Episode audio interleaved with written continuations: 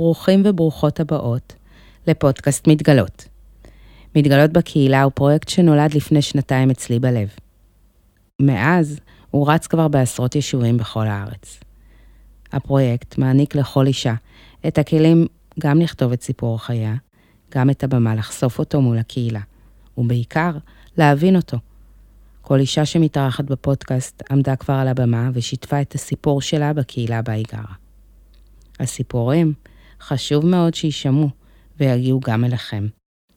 אני נועה חורי מקורי, זאת שהפרויקט נולד לה בלב, והיום רצה איתו ברחבי הארץ כדי לאפשר לכמה שיותר נשים לספר את הסיפור שלהן. האזנה נפלאה. אף אחד לא הגיע ליום הולדתי השלושה עשר. ילדת שיכונים, למשפחה מרובת ילדים, קשת יום, שהגיעה ללמוד במושבה. המקום בו גדלים ילדים עשירים.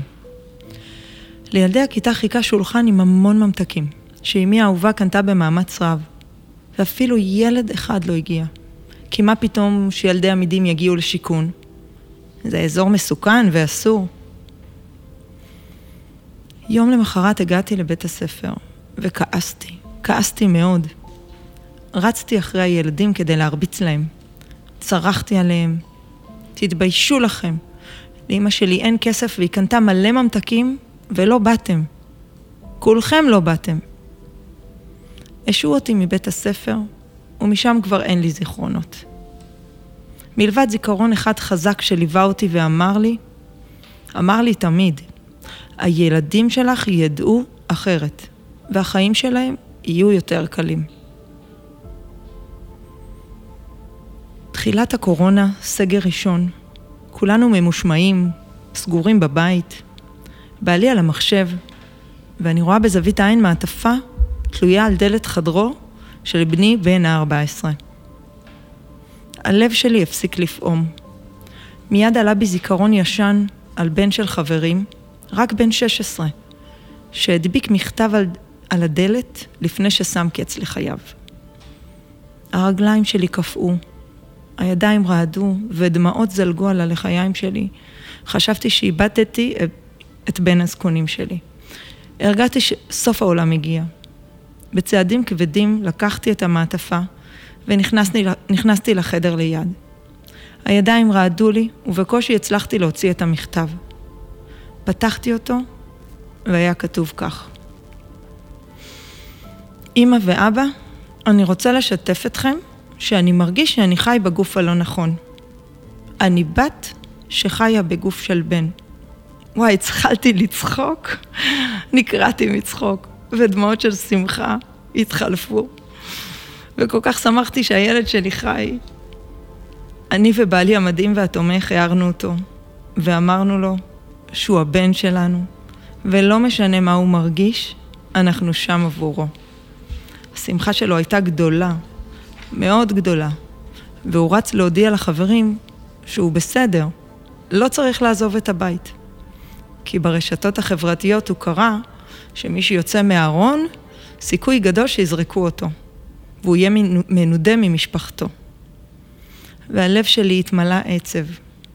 הלב של האימא שרוצה שילדיה לא ייפגעו. ואיך הילד שלי לא ייפגע? הוא כבר פגוע.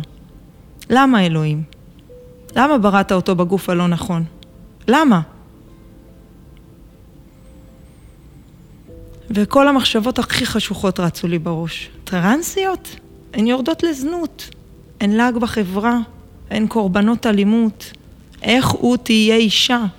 כבר צמחו לו שערות בזקן. הקול העמוק והנמוך. הגובה אליו הוא מתנשא. איך? מה עושים עם כל השרירים האלו? איך יתייחסו אליו בבית הספר? איך תגיב המשפחה, החברה? אחרי חודשיים של בכי וכאב נוראי, תחושת אבל ואובדן החלום שהיה לנו על הבן המדהים, המחונן, מבריק ורגיש, זה שרוצה להיות טייס בעתיד, התחלף החלום במסע מאתגר של שינוי מגדרי. תהיה לנו בת, עושים שינוי תפיסתי תוך השלמה והודיה על הבת המחוננת, המדהימה, הרגישה, הילדה שתהיה מה שתהיה בעתיד, רק שתהיה שלמה ומאושרת. אחרי חודשיים, אני ובעלי בחשש שיתפנו את אחי הגדול, שהפתיע בג... ואמר, אמר בגיחוך, כאילו, נו, אז מה, טרנסג'נדרית, אימא, אבא, אנחנו בשנת 2021, תתקדמו, יש עוד הרבה כמוה, אפילו בכיתה יש לי אחת. שלחנו הודעה למשפחה. משפחה יקרה, רצינו לשתף אתכם כי אנחנו עוברים תקופה מורכבת מאוד ואנחנו זקוקים לתמיכה שלכם. לונה שלנו שיתפה אותנו כי היא מרגישה שהיא תקועה בגוף הלא נכון. היא מרגישה כי היא בת ולא בן. אנחנו אוהבים אותה ותומכים ונעשה הכל עבור הילדה שלנו. אנחנו מצפים וסומכים עליכם כי תתמכו בנו כמשפחה ובלונה האהובה שלנו ותהיו שם עבורנו בכל מצב. אוהבים אתכם, שי, זיו, נועם ולונה. בהודעה שלנו לא היה מקום לאי קבלה. הייתה דרישה לתמוך ולקבל. לקח לי שעות לכתוב, למחוק, לנסח ולהגיע לריכוז המדויק הזה של ההודעה הזאת. ווואו, כמה תמיכה קיבלנו מהמשפחה. זה היה מרגש כל כך. בכיתי כל כך הרבה משמחה. ובינינו, מי שלא היה מקבל ומכבד, הדלת החוצה מבחינתי פתוחה. הם שאלו הרבה שאלות, אפילו כאלה שלא ידעתי לענות עליהן בעצמי. אז איך אני אעשה הכל כדי שהבת שלי תחיה חיים טובים, מלאים, בלי סבל? לכל מקום שהלכנו הרגשתי שנכשלתי במשימה הכי גדולה שהצבתי לעצמי בחיי. הבת שלי החלה ללבוש בגדי נשים. ויום אחד הלכתי איתה לפוליצר, פה, במרכז המושבה, ביישוב שלנו, ושאלתי אותה, לונה, לקנות לך ענבים? והיא ענתה בקול נמוך וגברי, לא אמא, יש מספיק בבית, אני רוצה פרי אחר. בחור אחד בשנות החמישים הביט בה במבט עוין, קיבץ את הגבות שלו ולי התכווץ הלב. הוא המשיך לנעוץ בעיניים רעות, ואני הייתי קרובה לנעוץ בו כרוב אלים. יש לו מזל גדול שאני חובבת אלים, וממש לא רציתי לפגוע בכרוב. בסופר, בקופת חולים, בגלידריה, ברחוב, בכל מקום אליו אנחנו הולכות מבטים חסרי גבולות, בוחנים אותה מכף רגל ועד ראש. יום אחד היא חזרה בוכה מבית הספר. זה לא הוגן. למה אין לי מחזור? למה אני לעולם לא אהיה בהיריון? למה נבראתי ככה? למה אין לי שדיים? איך אני יכולה להמשיך לחיות עם משהו שאני לא רוצה בין הרגליים? באותו הלילה נשברתי, בכיתי, ואמרתי לאלוהים שיחליף את הגוף שלנו. אני אסתדר עם ההצקות, המבטים, ההערות, אני חזקה, אבל היא, היא כל כך צעירה ותמימה. ואז התעוררתי בבוקר עם הברקה, כזאת אני, עם אופטימיות נצחית ומבט קדימה. צלצלתי לדוקטור אייל המלאך, המלאך השומר ששלח לנו אלוהים, וביקשתי ממנו אישור שללונה סוף, כל סוף חודש יש פטור ליומיים משיעורי ספורט, כי יש לה מחזור. וואו, כמה היא שמחה. באותו בוקר היא רצה לבית הספר, והלב שלי התרחב. וואו, מה התרחב? אושר ואור גדול מילאו את הכאב הבלתי נסבל שעברתי בתוכי. אבל השמחה לא נמשכה זמן רב, והחלו להציק לה בבית הספר. וואו, כמה הציקו לה. אמא, אני מרגישה לא מוגנת, היא אמרה לי כל יום. אני לא מוגנת בבית הספר. נלחמתי, דיברתי, בכיתי, כלום לא עזר. ילדים הם עם אכזר. סרטון ששלח לנו בטעות מנהל בית הספר, חרט בליבי זיכרונות שיכאיבו לי לנצח. הילדה שלי יושבת על ספסל, וילד אחד זוחק עליה אבנים. קבוצה של 14 תלמידים צוחקים, מתקרבים אליה, תנועות מגונות, לועגים לה. מישהו מאחוריה זורק עליה משהו וכולם נקרעים מצחוק. והלב שלנו נקרע לגזרים. עשרות ילדים סביבה, משפילים, מכאיבים. כמה פעמים הלב שלי יכול להישבר. עברנו בית ספר באמצע השנה, והאור חזר להעיר. חל שיפור במצבה הנפשי, במצב הנפשי של שתינו. אמא, אני רוצה קול של אישה. תבררי בבקשה איזה ניתוח משנה את הקול. ישבנו מול הרופאה המנתחת, עוד מלאכית ששלח לי היקום, והיא סיפרה לנו שמקצרים חצי ממיתרי הקול, ויש סכנות, ו...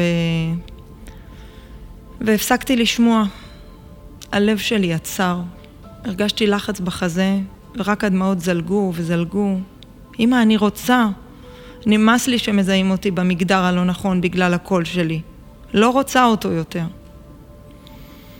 נכנסנו לרשימת המתנה לניתוח, והנה לפני חודשיים, הבת שלי עברה ניתוח לנישוי קולי. ישבתי לידה אחרי הניתוח, ומספר אחיות ניסו להרגיע אותי, וגם בעלי. לא יכולתי להפסיק לבכות. הבטחתי לילדים שלי חיים קלים, מלאים, והיא פה שוכבת, רדומה, בדממה, והלב שלי בדממה, שבור. אחרי הניתוח אסור לדבר 30 ימים. גם לא שיעול או עיתוש, כלום. דממה של 30 ימים. אחד, שתיים, שלוש, ארבע, חמש, שש, שבע, שמונה, תשע, עשר. היא שתקה שלושים ימים, והלב שלי שתק איתה. ילדה בת 16 שבוחרת לשתוק 30 ימים. אני אחרי 30 שניות הייתי נשברת. את האמת, אני כל היום מדברת. איזו ילדה עוצמתית גידלתי. כמה כוחות נפש, כמה אומץ ונחישות. מי יכול עליה? ואני עשיתי לה תוכנית של 30 ימים שלא מביישת צוות הוואי ובידור של מלון באילת. כי מי יכול עליי? ובסיום 30 ימי השתיקה, ערכנו לה מסיבת הפתעה. באו אורחים, חברים ומשפחה, ויצאנו לדרך חדשה, עם קול נשי והרבה שמחה. ניתוחים לטרנסג'נדרים זה טיפול מציל חיים. מנתונים סטטיסטיים עדכניים, 40 אחוזים מהטרנסג'נדרים בעולם מנסים לשים קץ לחייהם. לא כי הם שמחים ומאושרים, לא כי שפר עליהם מזלם, גם לא כי איזה קול זה להיות תקוע בגוף הלא נכון. זה כי מהרגע שבו הם מתעוררים בבוקר, ועד הרגע בו הם שוכבים לישון, הם חווים סבל נפשי ופיזי מתמשך, ששמו דיספוריה מגדרית. העובדה שאני תקוע עם הגוף הלא נכון, במגדר הלא נכון. והחברה שמנדה אותם, צוחקת עליהם, לועגת להם, והמשפחות שנוטשות ילדים רכים עם כל כך הרבה קשיים. זאת לא בחירה, זה מצב נתון. כמו סכרת נעורים שזקוקים לאינסולין, ככה הבת שלי זקוקה לניתוחים משנה מגדר כדי לחיות. הצטרף, הצטרפתי לקבוצת ברית הלוויות, ארגון שכיום מכיל כ-400 משפחות לילדים טרנסג'נדרים. מהר מאוד נלחמתי, וואו, כמה נלחמתי מול קופות החולים, ואפילו יצרתי שינוי ברפורמה כלפי טרנסג'נדריות. ואנחנו הראשונות בארץ שקיבלו שימור זרע על חשבון קופת החולים. נלחמתי גם בחברת הביטוח, וקיבלנו החזר מלא על ניתוחים אותם הבת שלי עברה בשנתיים האחרונות. כיום אני מלווה בהת... בהתנדבות משפחות שהילדים שלהם יצאו מהארון. מהווה אוזן קשבת ותמיכה למען המשפחות, מסייעת לטרנסיות וטרנסים להילחם מול קופות החולים למימוש זכויותיהן, זכויותיהם שאינן מתקבלות. באחד הימים שיתפה אותי אימא בסיפור יוצא דופן. היא ישבה מחוץ לחדר הניתוח, כשהבן של הטרנסג'נדר עבר כריתה מלאה של השדיים, והיא בכתה את נפשה. גברת שישבה לצידה הביאה לה כוס מים ושאלה אותה מה קרה. והיא סיפרה לה בעיניים אדומות שהבת שלה רוצה להיות בן ועוברת כריתת שדיים. הגברת הנחמדה החלה לבכות בכי תמרורים ואמרה לה, אני מוכנה עכשיו לקבל את החייל שלי שנהרג בצבא לפני שנה, עם זנב וקרניים ופוט בין הרגליים. העיקר שיהיה לי ילד בידיים. הסיפור הזה חיזק אותי שאני בדרך הנכונה, כי הילדה שלי חיה וצריכה אותי. הנוכחות והתמיכה המשפחתית שלנו הצילה אותה. כי יש לה אי של שפיות, תמיכה ושקט. כל עוד יתאפשר לי, אהיה עבור הילדים שלי גם במקומות הכי קשים. השנה אני רכזת צהרונים ולומדת איך לאמן ילדים. חוזרת בעצמי למסלול החיים. אחרי שסגרתי גן ילדים כי האתגרים היו רבים. כל יום מחדש אני לומדת מהן עוצמות וכוחות. והמסע שלנו עוד ארוך ודורש המון מלחמות, ניתוחים, נוכחות ונתינה.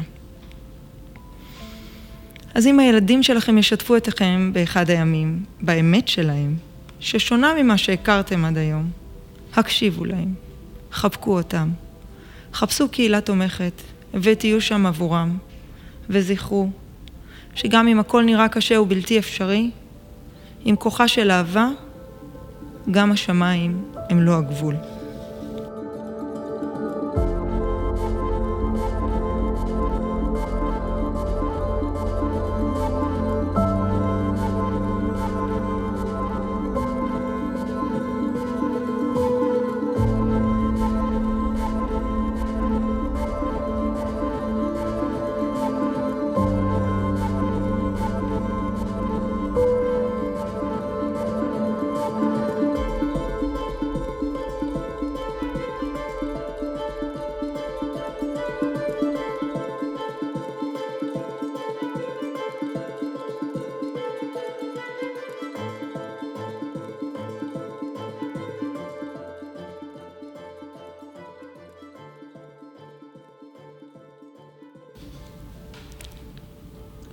דיבוש. איזה כיף לראות אותך פה, קודם כל, וכמה תודה. אומץ, באמת. אני יודעת שבשבילך זה משהו שהוא, אומץ זה לא, זו לא המילה הנכונה, אבל uh, אני חושבת שיש בך המון המון אומץ, גם בכל הגישה שלך לדבר, uh, וגם בחשיפה. Uh, כי זה משהו שעדיין לא רווח, אה, גם אם אה, הקהילה אה, הולכת וגדלה, עדיין יש אנשים שמסתכלים, כמו שאמרת, על האדון הנכבד שכמעט הרבצת לו, עם קור ואלים. אז אני חושבת שמה שאת עושה, הוא חוץ מאמיץ, הוא גם מאוד מבורך. ואני מאמינה שכל מי שהקשיב לסיפור שלך באמת יקבל את הכוחות מהמקום הזה, של כל מי שמתמודד היום עם הדבר הזה, אז קודם כל תודה רבה, שאת uh, מהווה פה ונוכחות לאנשים שצריכים להתמודד עם הדבר הזה, uh, הדבר הזה. זה דבר מאוד מאוד משמעותי, uh, וכן רציתי יותר לדבר על העניין, את, את מתארת את, ה, את המכתב. אה, שבאמת גילית שזה לא מכתב התאבדות, אלא מכתב שמודיע על אה, השינוי המגדרי, או על, ה, על, ה, על זה שהבן לא נמצא בגוף הנכון, אה, שלונה לא נמצאת בגוף הנכון שלה. וכן, אני רוצה להתעכב על הסיטואציה הספציפית הזו. את באמת צחקת שם? זאת אומרת, באמת היה את העניין של... וואלה, זה לא זה, זה לא התאבדות, אה, אין בעיה, זאת אומרת, אם, אם זה לא הכי גרוע, אז, אה, אז זה בסדר? אני ממש צחקתי. אני, אני התגלגלתי מצחוק, היה איזשהו שחרור בהבנה שזה לא מה שדמיינתי, וזה פשוט גרם לי לפורקן של צחוק מאוד מאוד גדול, כאילו, אפילו בעלי לא הבין, כאילו, מה קורה, כאילו, נכנסתי בוכה, יצאתי צוחקת, לא, לא, הוא לא בדיוק... ואת מרגישה שהסיטואציה הזו הצליחה לגרום לך להבין או לקבל את זה ביותר השלמה, את העניין הזה, או שבכל מקרה היית מקבלת את זה בהשלמה? אה, השאלה אם אה, לונה הייתה מגיעה אלייך אה, בזמנו שהיא הייתה בן, ואומרת לך, אמא, אני בגוף של בן, של בת, סליחה, היית מקבלת את זה גם ככה? או שהסיטואציה הזו עזרה לך כן אה, לפתור את העניין ה... אה, אני לא יודעת אם הסיטואציה הייתה סיטואציה מקלילה, אה, בגדול, כיוון שזה מורכב בכל מקרה. עצם העובדה ש... שהורה מבין שהילד שלו כבר לא ילך באותה דרך, כיוון שיש שינויים, בין אם הילד אה, אה, הודיע שהוא הומו, אה, טרנסג'נדר, הופך לחרדי, אה, חוזר בשאלה, אה, עוזב את הארץ, או כל שינוי שהילדים מביאים בדרך שלהם, אה, אני מניחה שלציפייה שלנו כהורים, מה... אל, אל מול החלום הזה שיש לנו, וההתנפצות של אותו חלום, ומעבר להתנפצות של אותו חלום עבורי, לשמוע, של... להבין במה שהיא מספרת, מה היא תלך, לה... מה היא תעבור בשנים הקרובות, אה, זה סוג של גזר דין מאוד מאוד קשה. אה, אם היא הייתה שלמה עם הגוף שלה כמו שהוא, בלי צורך בכל ההליכים הרפואיים, יכול להיות שהיה לי יותר קל, אבל לדעת שאם בעצם כל ניתוח הוא סיכון, אה, מהווה סכנה לחיים שלה, סיכוי לסיבוכים, גם גורם לנו, המשפחה, אה, מאמץ נפשי והתמודדות נפשית מאוד מאוד קשה לתמוך כל פעם בילדה שנכנסת שוב לניתוח ושוב לניתוח, וזה לא נגמר וזה הולך ונהיה מסובך יותר ויותר. אה, אני חושבת שזה מצריך כוחות נפש מאוד מאוד גדולים ומעמיד, ויכול להעמיד כל הורה בסיטואציה מאוד מורכבת מול החיים פתאום, שהחיים התהפכו, זה כבר לא אותו סיפור מוכר שבניתי לעצמי בראש. ואיך את הגעת להשלמה עם העניין הזה? זאת אומרת, מה הנקודה שבה הבנת שאוקיי, החלום אה, נשבר, שכבר הבן לא יהיה טייס כמו שהוא דיבר על, על זה עד אה, לנקודה זו. אה, איך כן הצלחת להגיע למצב של אה, אוקיי, אני מקבלת את זה וככה זה יהיה? אה, למרות, לאסוף את השברים מהחלום הזה ולהתקדם לחלום חדש? אז אני, אני חושבת שההשלמה הייתה די מיידית, כיוון שאני בן אדם כזה, שמקבל כל אדם באשר הוא. אה, אה, אני חושבת שיותר היה קשה לי הסיפור עצמו, החברה, התגובתיות, הסביבה, אה, מה יקרה לה. יותר הפחד שיתעללו בה, שיציקו לה, שינדו אותה, משפחתית, חברתית.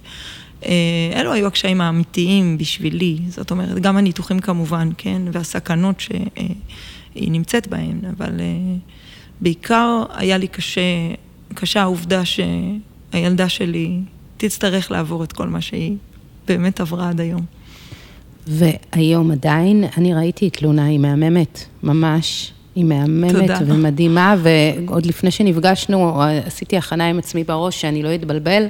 ולא התבלבלתי לרגע, כי היא באמת, אה, קודם כל היא יפהפייה והיא מקסימה ברמות, אה, אבל עדיין אתם מקבלים מהסביבה אה, תגובות? כן, כן.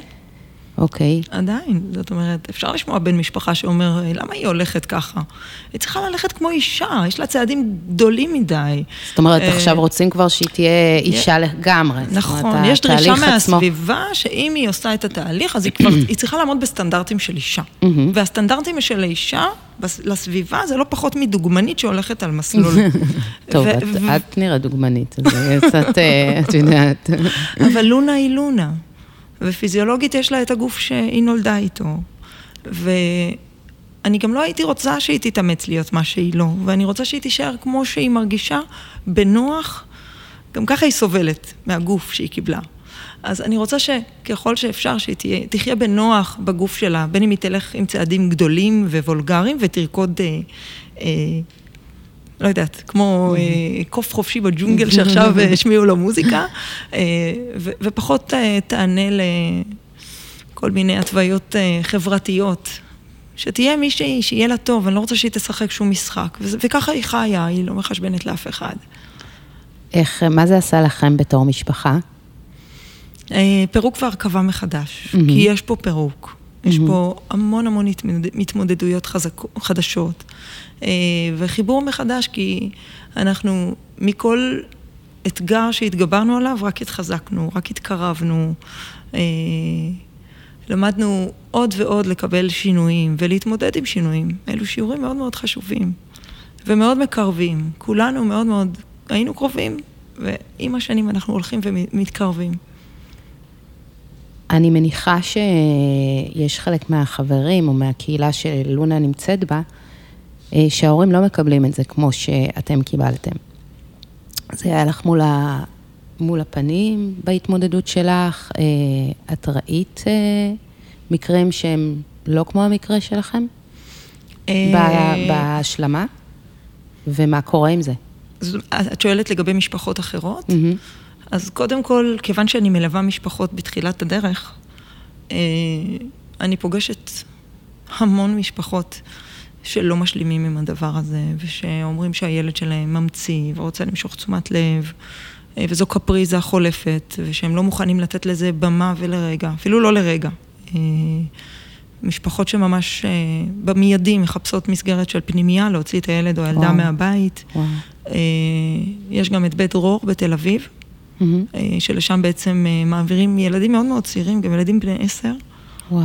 כן, שהמשפחות לא רוצות אותם. הן. לא, לא מסוגלות להתמודד עם, ה, עם העובדה אה, שהילד או הילדה שלהם מודיעים, מספרים להם בעצם שהם בגוף הלא נכון. ויש משפחות שכואב להן, שהן נשברות, שהן מתרסקות, אבל הן שם, הן מכילות והן מקבלות והן מתמודדות עם שינויים מאוד מאוד מורכבים. אה, ועם טלטלות מאוד מאוד גדולות. אה, ואני שם לשמוע הכל, אוקיי. לטוב ו- ולמורכב, מהמם. ולהיות שם נוכחת בכאב שלהם, בלי לשפוט אותם, אה, ובלי להעביר ביקורת על, ה- על המחשבות ועל הרצונות שלהם. להראות להם שיש תקווה, ושעדיין אפשר להתקדם. לונה שלי מסיימת בגרויות עכשיו, לפני פחות מחודש אה, הוציאה רישיון, אה, עושה כל מה שכל ילד חזרה אחר... מ... אה, חזרה עכשיו חזרה ממחנה- מחודש מחנה בארצות הברית, מדהים. מחנה קיץ בארצות הברית, של ומגשימה את... הקהילה, כל- נכון? נכון, של- נכון, של הקהילה מדהים. הגאה, והיא מגשימה את כל החלומות שלה. מדהים. היא לא נותנת לשום דבר לעצור אותה. אבל זה הרבה בזכות הקבלה שלכם, אני חייבת להגיד. זאת אומרת, אה, יש משהו בעטיפה הזו ובזה שאתם עוטפים אותה בצורה כזו, ושאת מדברת על זה בצורה כזו, שבאמת נותן לה את הביטחון לעשות מה שהיא... ושוב, אני ראיתי אותה וראיתי ילדה מלאה, מלאה בביטחון, ולרגע לא מנסה להסתתר ממשהו, וזה מדהים בעיניי, וכל הכבוד. אה, שאלה אחרונה לפני שאנחנו מסיימים. אה, שזו שאלת השאלות. אם היית עכשיו יושבת עם זיו לפני אה, שנתיים ואפילו כמעט שלוש שנים שבה התחיל כל הדבר הזה, מה העצה הכי חשובה שהיית נותנת לזיו אה, על אף הקבלה וההשלמה? זאת אומרת, אה, כי התהליך הוא ארוך ומורכב, ומהו הדבר הכי חשוב שהיית כן ממליצה למשפחה או לאימא שעוברת את התהליך הזה? או, איזו שאלה. קודם כל, למשפחות הייתי אה, ממליצה לחפש עזרה. מהמם. אה, יש את אה, תהילה, שזה תמיכה למשפחות, אה, לילדים טרנסים. לחפש את ברית הלביאות, עוד משפחות שהן דומות. שהכל בפייסבוק, דרך האתר, כן, יש אתרים? בפייסבוק, אתרים, אפשר בוואטסאפ, אפשר באנונימיות, לא חייבים להיחשף. ומה הייתי אומרת לעצמי? תרימי את הראש. גבוה, תתמכי בה. כל הקשיים שאתן תעברו, אתן תצלחו את הכל. זה רק עניין של אה, התמדה, אה, דחיפה ואמונה. והרבה הרבה אהבה. כי האהבה מנצחת הכל. ממש. תודה רבה רבה, זיו, על הפתיחות והאהבה שאת באמת מרעיפה אה, ללונה, ושאת נוטעת בתקווה. ואני מהצד יכולה להגיד שזה בהחלט אה, ניכר. אה, אז יש פירות לכל מה שאת נתת, ואני בטוחה שהיה קשה, אבל אה, משתלם לחלוטין. ותודה רבה לכם, מאזינים יקרים, ואם אתם רוצים לשמוע עוד מהסיפורים של זיו, אתם מוזמנים כמובן, נכון, לחפש אותך בפייסבוק, אה, גם לגבי ברית הלוויות. אם אתם רוצות ורוצים להמשיך לשמוע עוד סיפורים שלנו, של נשים במתגלות בקהילה, אתם מוזמנים כמובן להיכנס לפייסבוק שלנו, מתגלות בקהילה ישראל. תודה רבה שוב לנדב שאירחת אותנו פה בסינפסות, ותודה רבה לכם, ושיהיה המשך יום נפלא. ביי ביי. תודה. וגם את, אם האזנת לנו, והתחלת לחשוב שאולי גם לך יש סיפור, אני מבטיחה לך שיש לך כזה, ואת יותר ממוזמנת לפנות אליי למייל שנמצא בתיאור הפרק. תודה רבה לכולם, ונשתמע.